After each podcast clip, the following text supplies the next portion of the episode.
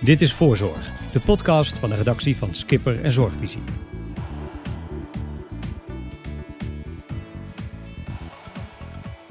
Hartelijk welkom en fijn dat u luistert naar Voorzorg, de podcast voor de zorg. In deze aflevering kunt u luisteren naar een interview met Douwe Biesma, sinds medio vorig jaar voorzitter raad van bestuur van het LUMC en tevens hoogleraar Data Driven Healthcare en hoogleraar interne geneeskunde.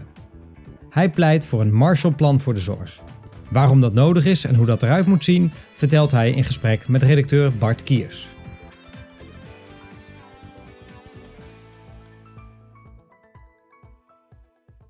Welkom Douwe. Uh, de coronacrisis is bijna een jaar oud. Hoe begon de crisis voor jou eigenlijk? Ja, ik was toen uh, bestuurder in het Antonius ziekenhuis uh, in, uh, in Utrecht en Nieuwegein.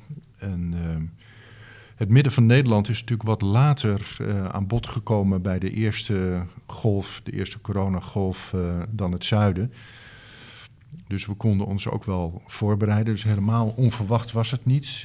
en, het, en het midden van het land in tegenstelling tot, tot het zuiden en, en Rotterdam en Amsterdam uh, had het bij de eerste golf ook nou, iets, iets minder moeilijk, laat ik het zo maar zeggen. Uh, dus we, waren, we, we zagen dat het op ons afkwam. we waren eigenlijk best wel goed voorbereid. dus, dus er was geen paniek of iets dergelijks. en wat ik me nog wel heel goed van die eerste golf herinnerde, is dat, dat we wel iedere keer zaten te kijken wanneer vlakt het nou af. We hadden natuurlijk ook geen enkel idee van hoe het uh, virus zich verspreidde in de, in de samenleving. Er werd natuurlijk nauwelijks getest. dus de, de, de tweede en inmiddels de derde golf, die zien er wel totaal anders uit. maar in de regio waar ik, waar ik toen zat, dus Midden-Nederland, is het eigenlijk in, in alle rust opgevangen. Ehm, wel de gebruikelijke aanpassingen in de zin dat er uh, ineens heel veel heel snel geregeld moest worden. Uh, maar eerlijk gezegd, ja, dat, dat, het was ook nog wel in zekere zin uitdagend en daarmee voor een aantal mensen ook wel, ja, wel leuk om dat te doen. Om niet maanden te wachten voordat de Raad van Bestuur ergens een besluit overgenomen had, maar gewoon te doen. En vond je dat zelf ook? Ja, ik, ik, ik vond dat zelf ook wel. Hè. Dus de, de stroperigheid in de besluitvorming, die, uh, die inmiddels in de zorg wel is ingesleten, om daar eens afstand uh, van te doen. Uh, en je ziet dan, je ziet eigenlijk een schisma. Je ziet, je ziet twee typen bestuurders. Hè. De bestuurders die iets meer operationeel ingesteld zijn, nou, die, die, ja, ik zou bijna willen zeggen, die hebben hun hart opgehaald in die periode konden doen. Uh, hoefden niet te lang te wachten tot er uh, besluiten, beslissingen genomen werden. En in mijn directiegroepje, uh, met, met een, daar zitten dan een aantal voorzitters van een aantal grote ziekenhuizen in Nederland in. Zag je dat schisma eigenlijk ook terug? Want de andere helft die vond het na een paar maanden toch eigenlijk ja, toch wel uh, vervelend worden, omdat je ook niet toekomt aan de strategische thema's, uh, het, het, het lange termijn uh, werk, aanpassingen in de zorg. het werd heel veel hier en nu. dus ik zag ook aan de andere kant wel wat zaggerijn ontstaan bij, bij mensen die vooral met wat langere thema's, met langer durende thema's bezig zijn. En ik zit daar zelf een beetje tussenin. Uh, aan de ene kant vind ik het ook wel leuk om, om nou, snel uh, resultaat uh, te zien. Aan de andere kant, eh, en dat past ook meer bij een voorzitter van de raad van bestuur, ben je natuurlijk vaak bezig met strategische thema's waar het pas over twee of drie jaar zichtbaar is wat de effecten zijn van, van zo'n strategie. Um, en eerlijk gezegd, ja, dat, dat laatste, dat, ik, dat mis ik ook wel. dus ik heb ook wel voor de helft dat zaggerijn, wat ik het, wat, waar ik het net over had, dat, dat, uh, dat ervaar ik zelf ook wel, ja. En toen stapte je over naar het LUMC in de zomer, of was het? Ja, ja ik ben 1 juli ben ik overgegaan, um, maar uh, het was al bekend uh, dat ik in hele kleine kring dat ik weg zou gaan voordat de eerste coronapatiënt in Nederland was. dus ik, ik, kwam in een hele rare situatie terecht. ik had in, in februari de gesprekken hier in het LUMC. En ja, daar werd al snel een besluit genomen door de Raad van Toezicht. Die zeiden, we willen graag met jou verder. En dan zijn er nog een aantal gesprekken, bijvoorbeeld met de ondernemingsraad of de cliëntenraad, die, die dan als, als adviesgroep optreden. En die gesprekken, ik, kan me nog goed herinneren, die, waren ook wat vertraagd door voorjaarsvakanties, die, die geloof ik ook niet helemaal samenvielen. Maar daar moest ik een week of drie of vier op wachten voordat die allemaal afgerond waren. En ik had dus ja tegen Leiden gezegd voordat er één coronapatiënt in Nederland was. En in die tussentijd uh, begon het in, in, het, in het zuiden en, en spreidde zich verder over Nederland uit. en ik kreeg dus het, het, eigenlijk, ik kreeg het steeds meer benauwd dat ik dacht van ik moet dit nu wel een keer gaan vertellen aan een grotere groep mensen. Maar die hele grote groep mensen is inmiddels met een, een heel ander groot dossier, het bestrijden van corona, bezig. Uh, dus ik heb het toen wel, dat was ergens, ik dacht meen de tweede of de derde week van, van maart, ja, heb ik het toch wel verteld. is het dan niet heel lastig, want je bent heel lang bij het Antonius dat je in zo'n moeilijke tijd zeg maar, het schip als kapitein verlaat?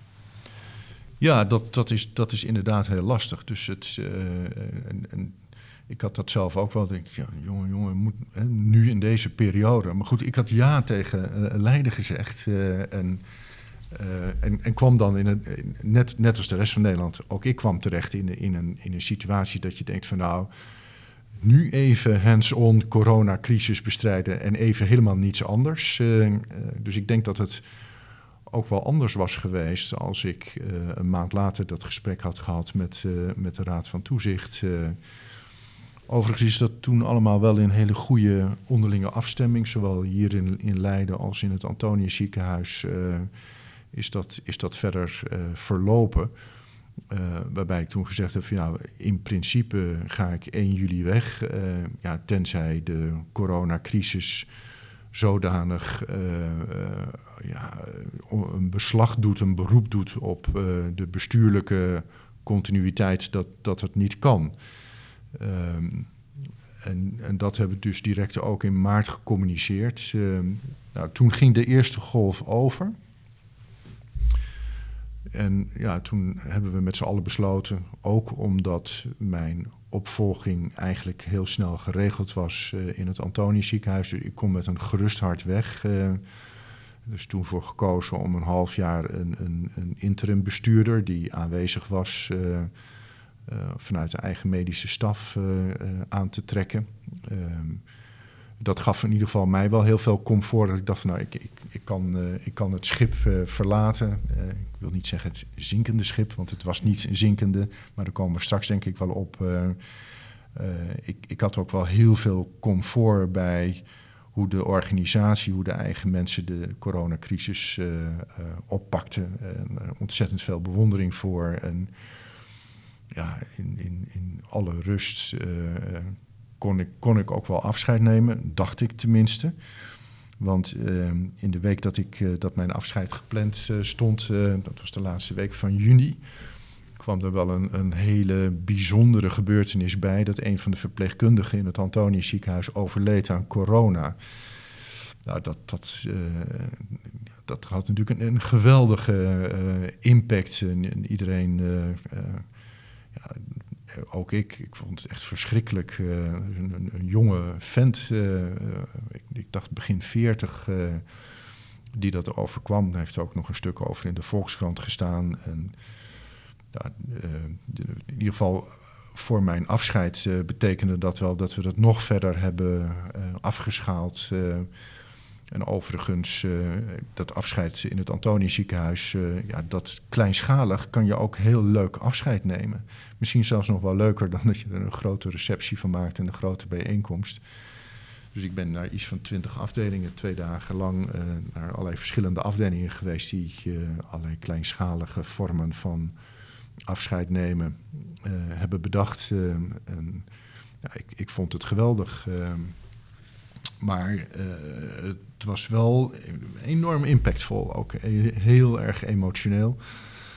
Uh, het was op een maandag en een dinsdag. Uh, dinsdag, ik weet nog goed, dinsdag het eind van de dag. Uh, een van de chirurgen in het Antonius ziekenhuis, die is sopraan, professioneel.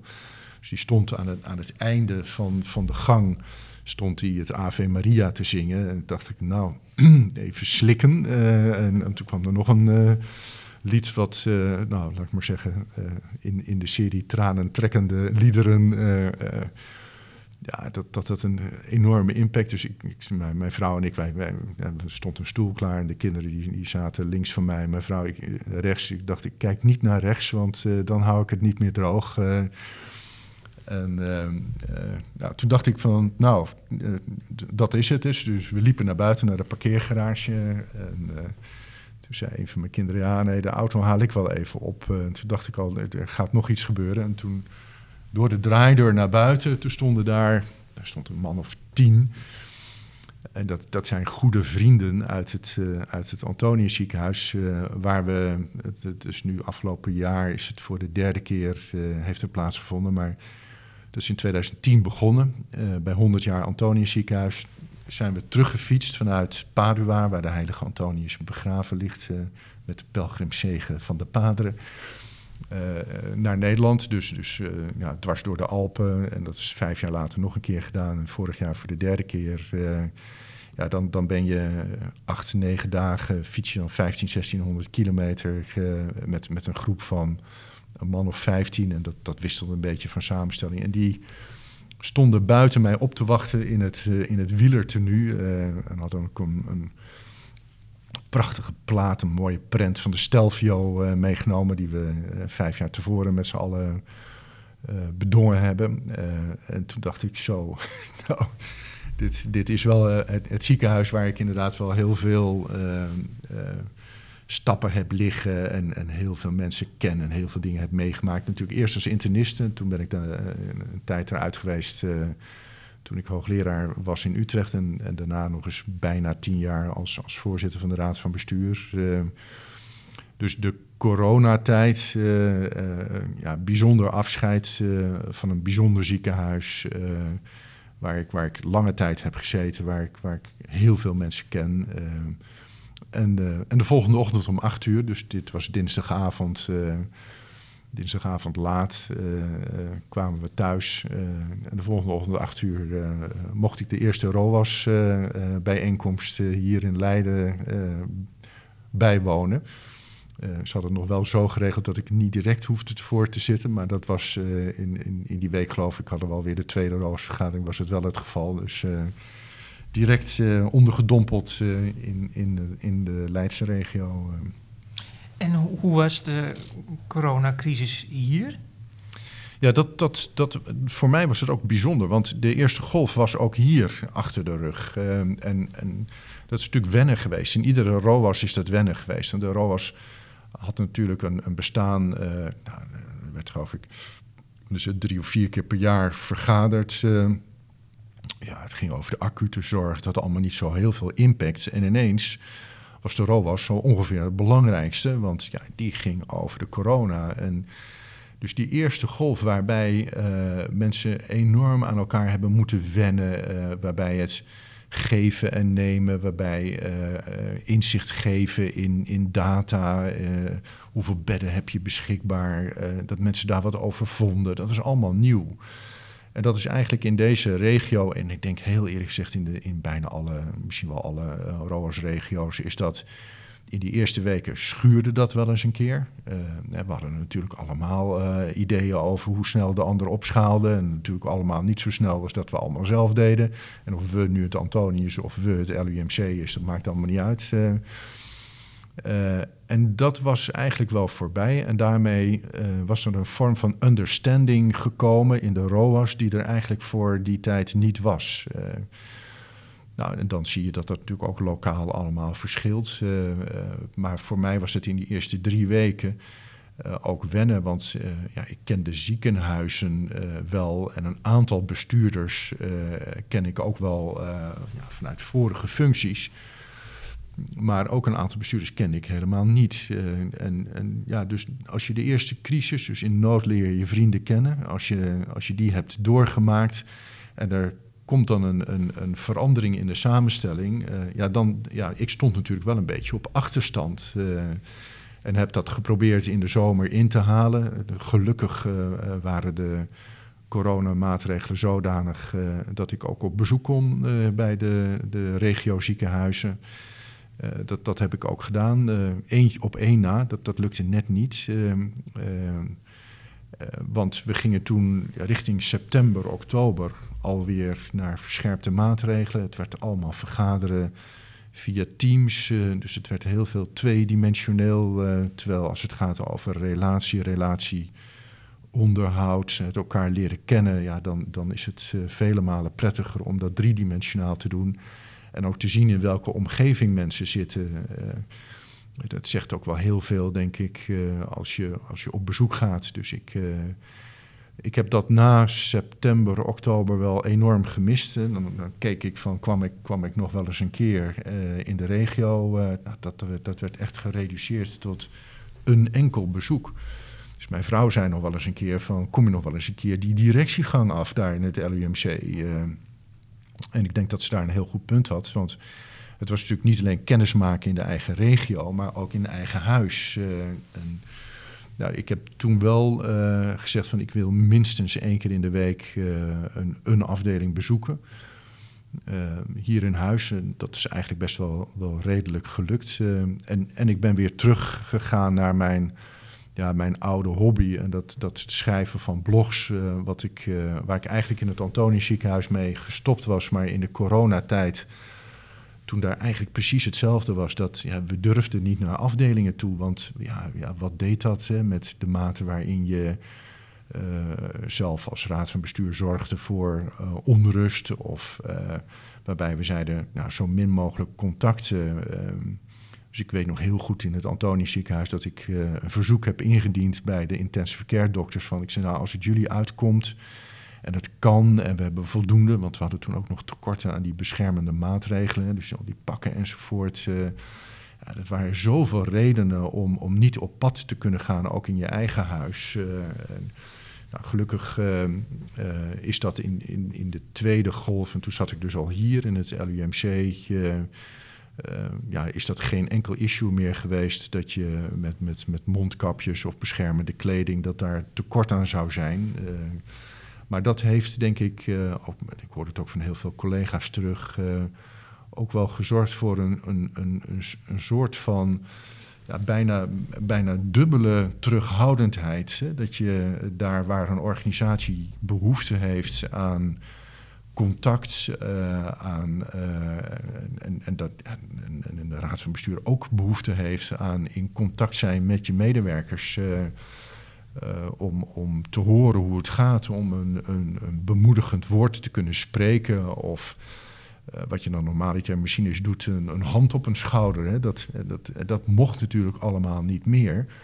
Dus we zijn ook wel uh, ernstig gehinderd in de manier waarop je contact kunt leggen met de mensen met wie je juist extra contact wil leggen.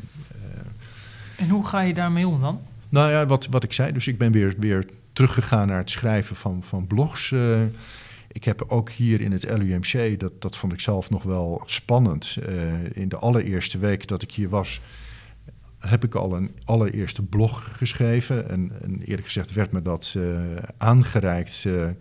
want ik dacht, ik ga dat eerst eens even netjes overleggen met de afdeling communicatie. Of dat wel een goed idee is. want dat, dat was niet gebruikelijk hier in het LUMC. Maar ik heb dat wel gedaan omdat uh, ja, in die tussentijd waren wij bezig om hier naar, naar Leiden toe te verhuizen. En hadden we een nieuw huis gekocht. En dat, dat huis dat, dat, dat eh, moest toen nog afgebouwd worden. Dus daar moest ook een nieuwe keuken komen. Dus ergens in een weekend trof ik mijzelf aan bij een keukenboer in Houten bij Utrecht. En die man die vroeg van, ah, gaat u verhuizen? Toen dacht ik, nou ja, een vrij obligate vraag. Hè, want de meeste mensen die verbouwen of verhuizen voordat je aan een nieuwe keuken. Dus ik zei, ja, ja, ja, ik ga naar Leiden. En toen zei hij, oh, daar is mijn zoon geboren. En toen zei ik, maar woon, woonde u toen in Leiden? Ze zei, nee, nee, nee, toen woonden we in Amsterdam. en toen zei ik, nou, maar dan moet uw zoon geboren zijn in het LUMC. Hè? Dus en ik werd direct werd ik, door dit verhaal meegenomen in de bovenregionale functie van UMC's, in dit geval van het, van het LUMC. Want hij vertelde, ja, er was een, een, hele bijzondere uh, gebeurtenis in de baarmoeder. ik zal vanwege de privacy niet, niet uitweiden was het, wat, wat het was geweest, maar er moest een ingreep gebeuren en die kon eigenlijk alleen in Leiden gebeuren. En, en hij, hij, was daar, hij schoot helemaal vol. Dus terwijl wij kleurtjes voor de keuken aan het uitkiezen was, zat hij met tranen in de ogen. Uh, omdat hij ja, bijna twintig jaar later zei van ja, maar we zijn daar zo goed behandeld. en in de jaren daarna, de follow-up was ook zo plezierig. en toen dacht ik, nou, dat is toch wel een, voor mij een mooie binnenkomer. En dat wil ik eigenlijk ook wel delen met de mensen in het LUMC. Dus daar ging de eerste blog over. Dat was het uitkiezen van de keuken en hoe je dan via het uitkiezen van de keuken komt tot bovenregionale uh, functies. Uh, en, en, dat vind ik ook het mooie van een UMC. Eh, daar, daar onderscheidt een UMC zich echt in van, van algemene ziekenhuizen. Dat er, dat er dingen gebeuren dat er echt hier artiesten rondlopen die hele bijzondere dingen kunnen, die, die maar in een enkel UMC in Nederland kan. en in dit geval ging het dan over een ingreep die alleen hier in Leiden plaatsvindt. dus ik vond dat de moeite waard om een stuk te gaan schrijven. En ik kreeg daar hele leuke reacties op. en, en de andere ontwikkeling was dat in die periode toch die tweede golf eraan kwam. en ik ook zag dat het ingewikkelder werd om op pad te gaan in eigen huis. En toen dacht ik, nou, ik trek de stoute schoenen aan en ik ga toch een stukje schrijven over wat doet nou een raad van bestuur in een academisch ziekenhuis. en dat geeft mij ook gelegenheid om zelf daar iets van mezelf te laten zien. Wat doet een raad van bestuur dan eigenlijk in een academisch ziekenhuis? Ja, de Raad van Bestuur die houdt zich met, in een academisch ziekenhuis met drie dingen bezig. En dat is zorg, en dat is opleiding en dat, en dat is research. Uh, um, en, nou, zorg, daar, daar kan iedereen zich denk ik een, in coronatijd een, uh, iets, iets bij voorstellen, hoe ingewikkeld dat is. Uh, maar dat is extra ingewikkeld in een UMC.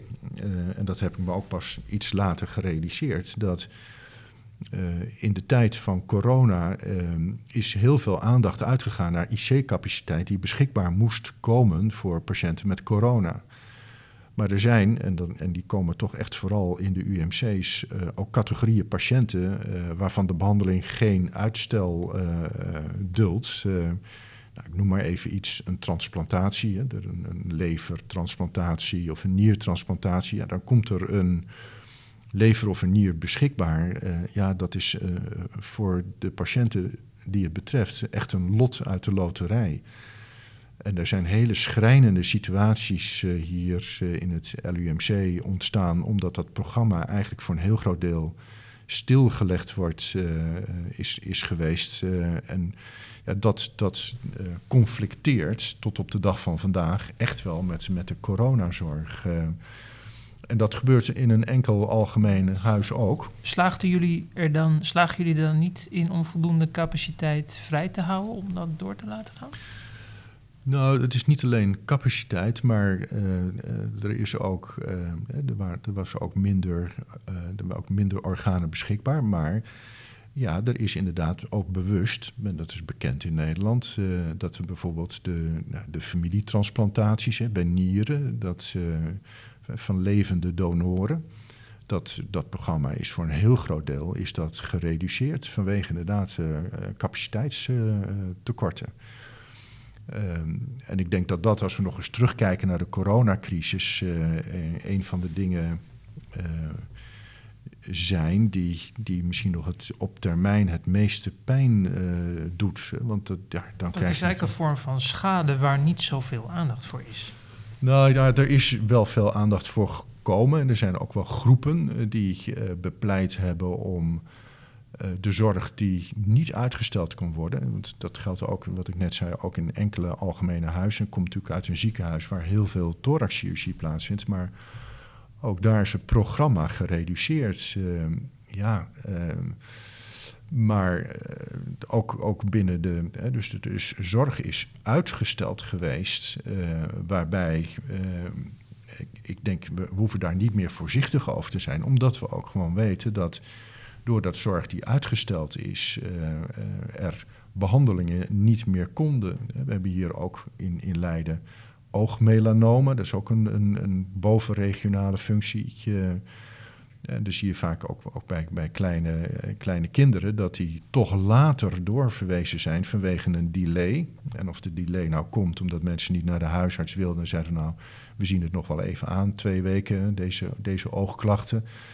Uh, uh, maar de, de tumoren, de, de, de, melanomen, die zijn toch groter dan ze normaliter waren. Ja, en dan betekent het wel eens dat het niet meer operabel is. Uh, en dat zie je niet direct terug in sterftecijfers. Daar waar bij transplantatie zie je het wel terug in sterftecijfers. Maar je ziet het, denk ik, pas over een paar jaar terug. Dat je zegt van nou, de bepaalde vormen van hart- en vaataandoeningen, oncologische aandoeningen, die zijn echt in een later stadium uh, zijn die uh, gediagnosticeerd.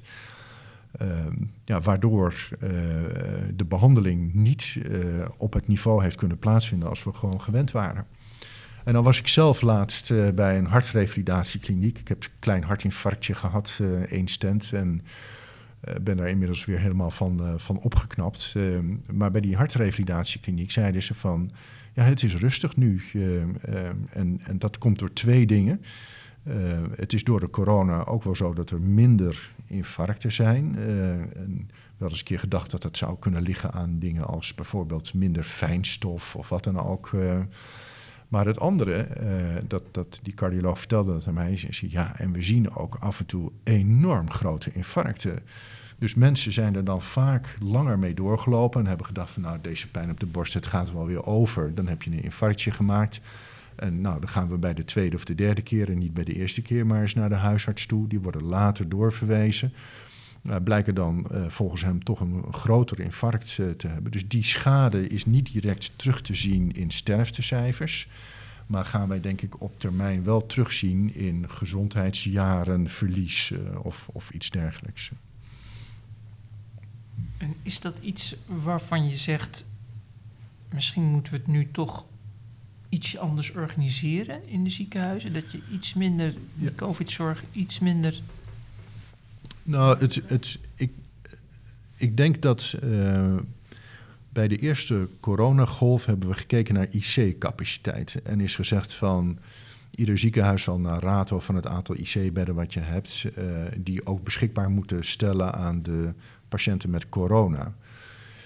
En ik denk heel eerlijk gezegd dat dat een dat dat tekort doet aan de huizen die vooral die IC-bedden nodig hebben voor ingewikkelde, complexe zorg, waar bijvoorbeeld postoperatief of als complicatie van, uh, als er een complicatie optreedt, een IC-bed nodig is. Uh, dus die transplantatiezorg aan de ene kant, uh, ja, als er minder getransplanteerd is, die mensen krijgen allemaal immuunsuppressie krijgen ze minder infecties. Uh, uh, maar als je gewoon transplanteert op het niveau wat je normaal zou moeten doen, dan heb je die IC-bedden nodig voor de opvang van zorg die de verlengde zorg die na de ingreep plaatsvindt. Uh, en nou, daar kun je ook oncologische aandoeningen, cardiovasculaire aandoeningen zetten. En, en ik denk de huizen die dat met name doen, die hebben in het algemeen een vrij grote intensive care.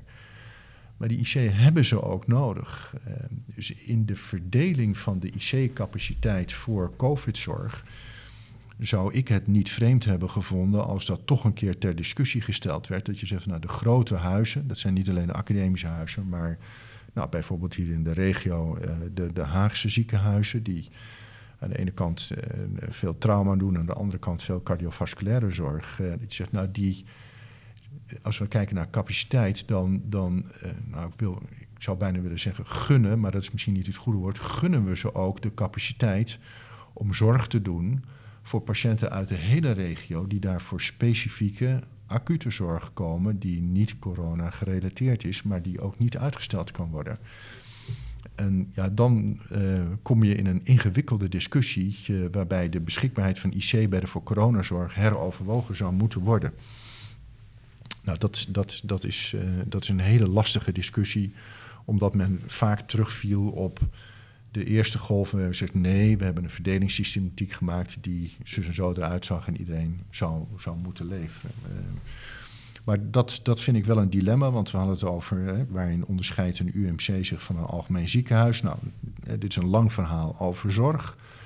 Maar ik wil ook de aandacht uh, vestigen op hele schrijnende dingen die gebeuren rondom onderwijs en, en research. Uh, nou heb ik toevallig twee kinderen die allebei geneeskunde studeren en ook allebei inmiddels met een promotietraject bezig zijn.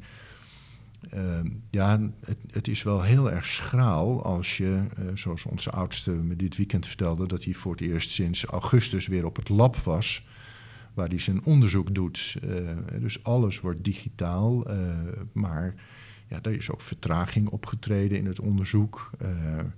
Nou, het, het, het, bekende fenomeen, het koffiezetapparaat, ja, de, de beste ideeën worden toch geboren in, in, ehm, in onderlinge contacten. Dus alleen ga je misschien uh, wat sneller, maar samen kom je toch echt verder.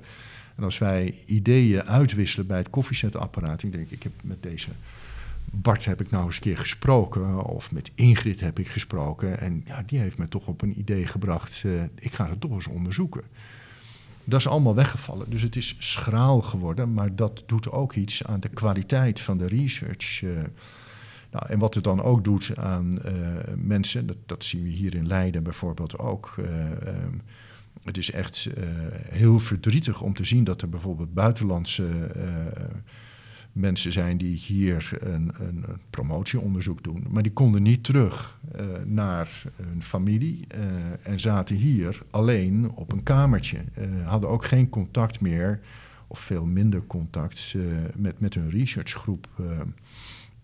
Dus daar is wel heel veel eenzaamheid uh, ontstaan. Nou, hetzelfde zie je bij het, bij het onderwijs. We hebben geprobeerd om zoveel mogelijk het onderwijs voor de eerstejaars door te laten gaan. Uh, want uh, ik ben ook totaal anders naar de introductie van studenten gaan kijken. Daar, ik heb zelf een introductietijd meegemaakt, maar ja, daar waar je denkt van nou, als je, als je nog niet wist hoe je bier moest drinken, dan leer je het wel tijdens je uh, ontgroeningstijd of uh, op de studentenvereniging. Ja, dat, dat is een. Dat is natuurlijk nog steeds is dat, ook een, een, belangrijk onderdeel. Maar het aarden in een nieuwe omgeving, ja, daar zijn studentenverenigingen of, of roeiverenigingen of wat dan ook, die zijn daar ongelooflijk belangrijk bij. Hè? Je komt als 17, 18-jarige 19-jarige kom je in een totaal nieuwe omgeving terecht. Hè, vaak voor het, voor het eerst van huis. Uh, ja, je moet je maar zien te redden. En, en uh, ja, als, uh, we hebben echt wel zorgen over de, de geestelijke gesteldheid van, van onze studenten. Ehm, en, en dat is ook een onderdeel van een UMC. Dus die, is zorg, research, onderwijs nou, het is wel, wel fantastisch om te zien hoe het onderwijs in een paar weken uh, eigenlijk bijna helemaal gedigitaliseerd is. Uh, echt uh, hulde hoe, hoe dat hier, maar ook in andere studentensteden, universiteitsklinieken vormgegeven is. maar het, is, het, het woord schraal gebruik ik heel vaak om de coronacrisis te karakteriseren. Eh, we kennen dat allemaal. Eh, wij zijn recent verhuisd, eh, ergens in, in, december was dat. in, een, in een wijkje waar iedereen, een nieuw wijkje waar iedereen ongeveer in diezelfde maand aan het verhuizen was. en met oud en nieuw dacht ik, ik doe de voordeur eens even open om de buren gelukkig nieuwjaar te wensen. En ik keek rond en ja, iedereen bleef thuis. Hè. Dus als het gaat over het aangaan van sociale contacten, nieuwe buren leren kennen, uh, dan, dan, ja, toen op dat moment voelde ik denk ik hetzelfde wat die studenten, als je ergens in, in augustus, september in een nieuwe stad gaat studeren, uh, al een aantal maanden voelen. En, en dat zijn dus wel aspecten die in een UMC meer dan in het Antonius ziekenhuis, waar ik dan gewerkt heb, wat, wat een huis is waar boven gemiddeld veel opgeleid wordt en bovengemiddeld veel onderzoek plaatsvindt in, in relatie tot andere algemene ziekenhuizen. Maar dat, dat is hier echt van een totaal andere orde van grootte. Dat maakt ook dat het mooi is om in, in een UMC te werken. Maar het maakt ook dat zo'n coronacrisis niet van één kant, van de zorgkant alleen, maar van drie kanten op je afkomt uh, als raad van bestuur. Wat zijn de belangrijkste lessen voor, van de coronacrisis voor de zorg? Ja, het is grappig om te zien, maar als je nu naar de verkiezingsprogramma's kijkt, uh, iedereen is klaar met de marktwerking. Hè? Terwijl dat een jaar of anderhalf, twee geleden uh, vonden we dat nog allemaal geweldig. Hè? Want het had geleid tot een enorme kostenreductie. Alles was in de hand te houden, ook met dat, met dat meerjarenakkoord. daar was iedereen echt lovend over. We krijgen een crisis. En we zien eigenlijk dat de Nederlandse gezondheidszorg kent geen marge, kent geen ruimte om dingen op te vangen. En dat heeft te maken met het feit dat het allemaal geoptimaliseerd is. De capaciteit is, is altijd aangewend voor de zorg. Uh, en ik heb dat uh, vroeger uh, al heel erg vreemd gevonden. Als, als student werkte ik in de zomer bij de GGD als ambulancebroeder. Uh, en dan zaten we naast de kazerne van de brandweer. En bij de brandweer, ja, af en toe was er een brandje, rukten ze uit. Maar ze waren vooral bezig om de boel op te poetsen. Er was heel veel capaciteit die onbenut was. Dat was bij de GGD toen al niet het geval. Um, en als je die twee dingen naast elkaar legt, en later zag ik het toen ik in militaire dienst, uh, ik ben nog, nog arts geweest in militaire dienst, de mobilisatiecomplexen mocht inspecteren. Nou, dat, dat vonden we toen nou, niet het meest verheffende onderdeel van, van de taak, maar je zag wel dat iets zat in de mottenballen. En dat kon eruit gehaald worden, of het nou bij de brandweer was of bij Defensie, op het moment dat de nood aan de man was. Ja, dus de capaciteit bij brandweer, bij, bij het leger, was altijd gericht op die ene calamiteit, namelijk de brand of een oorlog die beide eigenlijk niet zo heel vaak uh, voorkomen. En in de zorg is het zo dat we capaciteit hebben ingezet voor de reguliere dingen. En op het moment dat er extra dingen gevraagd worden, dan schiet de capaciteit tekort. Dus het, uh... Hoe kun je dan de zorg crisisbestendig maken? Want dat hoorde, hoorde je Rutte ook over. Dat is, hè, dat is het, uh, nou ja, ja, nou ja, dan moet je kijken naar de, de onderdelen waar ik het net uh, over had. Nou, bijvoorbeeld defensie ja, dan zul je uh, mobilisatiecomplexen moeten hebben binnen de zorg. Dan zal er ergens zorg opgeschaald moeten kunnen worden. Dat moet je dus ergens dan vandaan halen. Want uh, wat we ook geleerd hebben is dat als je het wegtrekt uit de reguliere zorg, daar heb ik net een paar voorbeelden van gegeven, maar als het gaat over hele schrijnende situaties. Maar er zijn ook wel mensen die zeggen van ja, als mijn heupoperatie een jaar uitgesteld wordt, ja, ik, ik word niet voor niets uh, geopereerd een jaar lang pijn lijden, een jaar lang immobiel zijn, uh, ja, dat is ook allemaal schade. Dus wat we denk ik nu geleerd hebben, is dat we de zorg beter zouden moeten inrichten, zodat we uh, goed voorbereid zijn op die piekbelasting die bijvoorbeeld een coronacrisis vraagt. En dat zijn we niet. Daar hebben we de capaciteit echt niet voor. Uh, en dat is een bewuste keuze geweest. Hè. Als je kijkt naar Duitsland, hè, het hele verhaal van de IC-bedden, dat is natuurlijk al lang bekend. En er is natuurlijk wel heel veel mitsen en maren aan. Maar ja, Duitsland kijkt meer naar de zorg, uh, zoals ze naar het leger kijken. Van we kijken wat we uh, nodig hebben op die piekbelasting. Nou, en dat is dan onze reguliere capaciteit. En wij doen dat niet. Uh, en daarmee is de zorg, denk ik, financieel heel erg beheersbaar in Nederland. We mopperen er wel eens over. Maar ik denk als je kijkt naar landen als Duitsland, nou zeker in de Verenigde Staten, dat we het heel erg netjes in de hand houden. Maar het betekent wel dat, uh, nou ja, inderdaad, als de nood aan de man is, dat we tekort schieten aan capaciteit. Maar zie je dat gauw veranderen? Nee, dat zie ik niet zo heel erg snel veranderen. en, en dat is wel jammer. en ik denk dat daardoor ook wel mensen teleurgesteld zijn in de zorg. dat zeggen van nou, we hebben ons uiterste best gedaan. Uh, dat is ook nog wel een zorg voor mij als het gaat over wat gebeurt er na coronatijd. Uh, hoeveel mensen houden posttraumatische stressstoornissen over aan de coronaperiode? Leidt dat ook tot een exit van mensen die in de zorg werken. Heb je daar aanwijzingen voor? Ja, daar hebben we wel wat aanwijzingen voor. Dat het uh, minder aantrekkelijk is om met name in die zorgintensieve omgeving uh, te werken. Uh, dan voorheen. en, Hoe merk je dat dan? Nou ja, IC-personeel, dat wat je graag, of personeel op de eerste hulp. Ja, dat, en ik merk het ook aan medisch specialisten die, die wel die uitgeput zijn. En niet zozeer fysiek uitgeput, maar die geestelijk uitgeput, die, die, die dingen hebben meegemaakt, waarvan ze zeggen van nou, ik overweeg toch om eruit te stappen en ja, mijn carrière een andere wending te geven. En, en dat betekent soms ook uit de zorg weg. Wie, moet daar wat aan doen om dat te voorkomen? Nou, ik denk dat we vooral moeten voorkomen dat we doen alsof er niets gebeurd is en dat we heel snel weer terug kunnen naar het oude productieniveau uh, wat, we, uh, wat we hadden voor corona. We hebben ook echt wel recuperatietijd nodig in de zorg. En in die zin vond, ik het, vond ik het ingewikkeld om te zien dat binnen de politiek, maar ook wel bij de NZA en, bij, bij de politiek, denk dan aan VWS, dat, ze, dat ze heel snel de aandacht voor het weer op niveau brengen van de reguliere zorg hoog in het vaandel zetten. Ik begrijp dat inhoudelijk heel erg goed. Maar laat ik zo zeggen, we hebben wel heel veel vermoeide paarden waar als de zweep er weer een keer overheen gaat, ze toch echt wel afhaken. En als we meer oog zouden hebben voor dat fenomeen, uh, dat mensen ook. Ik kijk maar eens even naar mijzelf. Ik heb in de tweede, ik heb de tweede helft van 2020 uh, eh, heb ik uh, geen vakantie gehad. Uh, ja, ik heb een paar dagen vrij gehad uh, om, om te verhuizen, maar nou, dat was nog niet het meest ontspannende deel van het hele jaar.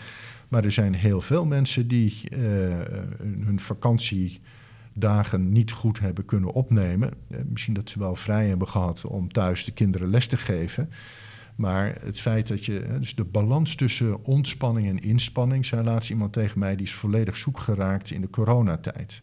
En ik denk dat we daar aandacht aan zouden moeten besteden. Dus een jaartje recupereren als iedereen gevaccineerd is en we geen uh, overmatige hoeveelheid patiënten met corona meer hebben, zou ik niet heel erg vreemd vinden.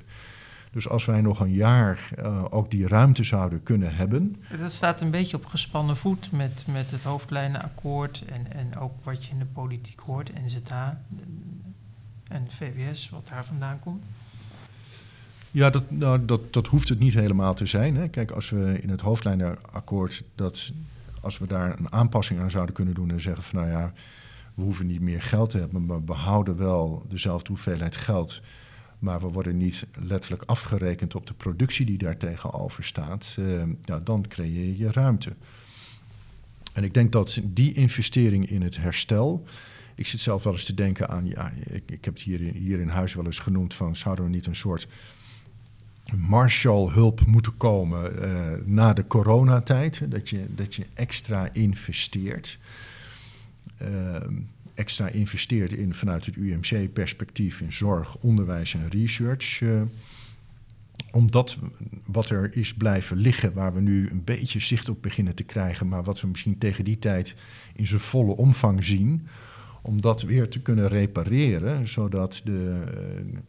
Nou, het gaat dan vooral over, over mensen, uh, dat die minder schade hebben. En je ziet hele goede eerste stappen. Bijvoorbeeld in het onderwijs uh, dat ze zegt, nou, collegegeld halveren. Uh, nou, dan denk ik, dat zijn allemaal hele goede stappen die gedaan worden omdat men wel doorheeft. En dan gaat het natuurlijk over het, het, het, komend jaar. Nou, in september denk ik dat we toch wel hopen dat ja, bijna iedereen in Nederland gevaccineerd is.